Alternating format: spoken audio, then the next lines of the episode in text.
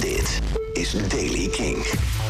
De dag begint met zon, maar in de loop van de dag komt er bewolking vanuit het noordwesten. Het zuidoosten heeft nog de meeste zon, wordt 18 graden op de Wadden en 22 in Limburg. Nieuws over Eilan, Metallica en Frank Carter. Dit is de Daily King van woensdag 6 juli. Michiel Veenstra.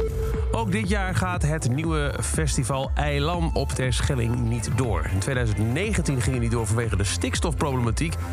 En dit jaar zou het dan in september eindelijk zover zijn... met onder andere Evie de Visser, Goldband, You Baving en Jungle by Night. Maar de burgemeester van Terschelling heeft de aanvraag voor een vergunning geweigerd... tot grote verbazing van de organisatie. Zo zou het onder meer zijn geweigerd op basis van het feit dat de ambulance inzet niet uh, goed verzorgd zou kunnen worden. Er niet genoeg verlichting was en de accu's een te groot brandgevaar zouden vormen. Met grote verbijstering, schrijft de organisatie, hebben we de onderbouwing van deze weigering gelezen. We werken samen met de gemeente al vijf jaar naar het evenement toe. En de laatste aanvraag is een onvoorstelbare lange zeven maanden in behandeling geweest. Het Eilandfestival is enorm goed voorbereid. Hoe kon dit nu weer misgaan? Gisteren hoorde je al dat eh, Robert Trujillo, de bassist van Metallica, trots is op zijn zoon uh, Ty Trujillo, die meespeelt op de nieuwe versie van Master of Puppets te horen in Stranger Things. Nu heeft de hele band een statement uitgebracht op hun Instagram. Zij zeggen dat ze enorm trots zijn dat ze onderdeel uitmaken van het verhaal van Stranger Things. De manier waarop de Duffer Brothers muziek in Stranger Things hebben verwerkt is altijd al van een hoog niveau geweest. Dus we waren meer dan psyched dat Master of Puppets in de show zit en ook nog een keer in zo'n cruciale scène. En daarmee bedankt Metallica dus de makers van Stranger Things... voor de hernieuwde aandacht voor hun classic uit 86.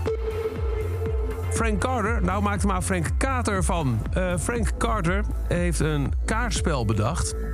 Uh, samen met uh, Dean Richardson, bandlid. Het spel heet Halves en werd bedacht in 2016 in een vliegtuig naar Ierland.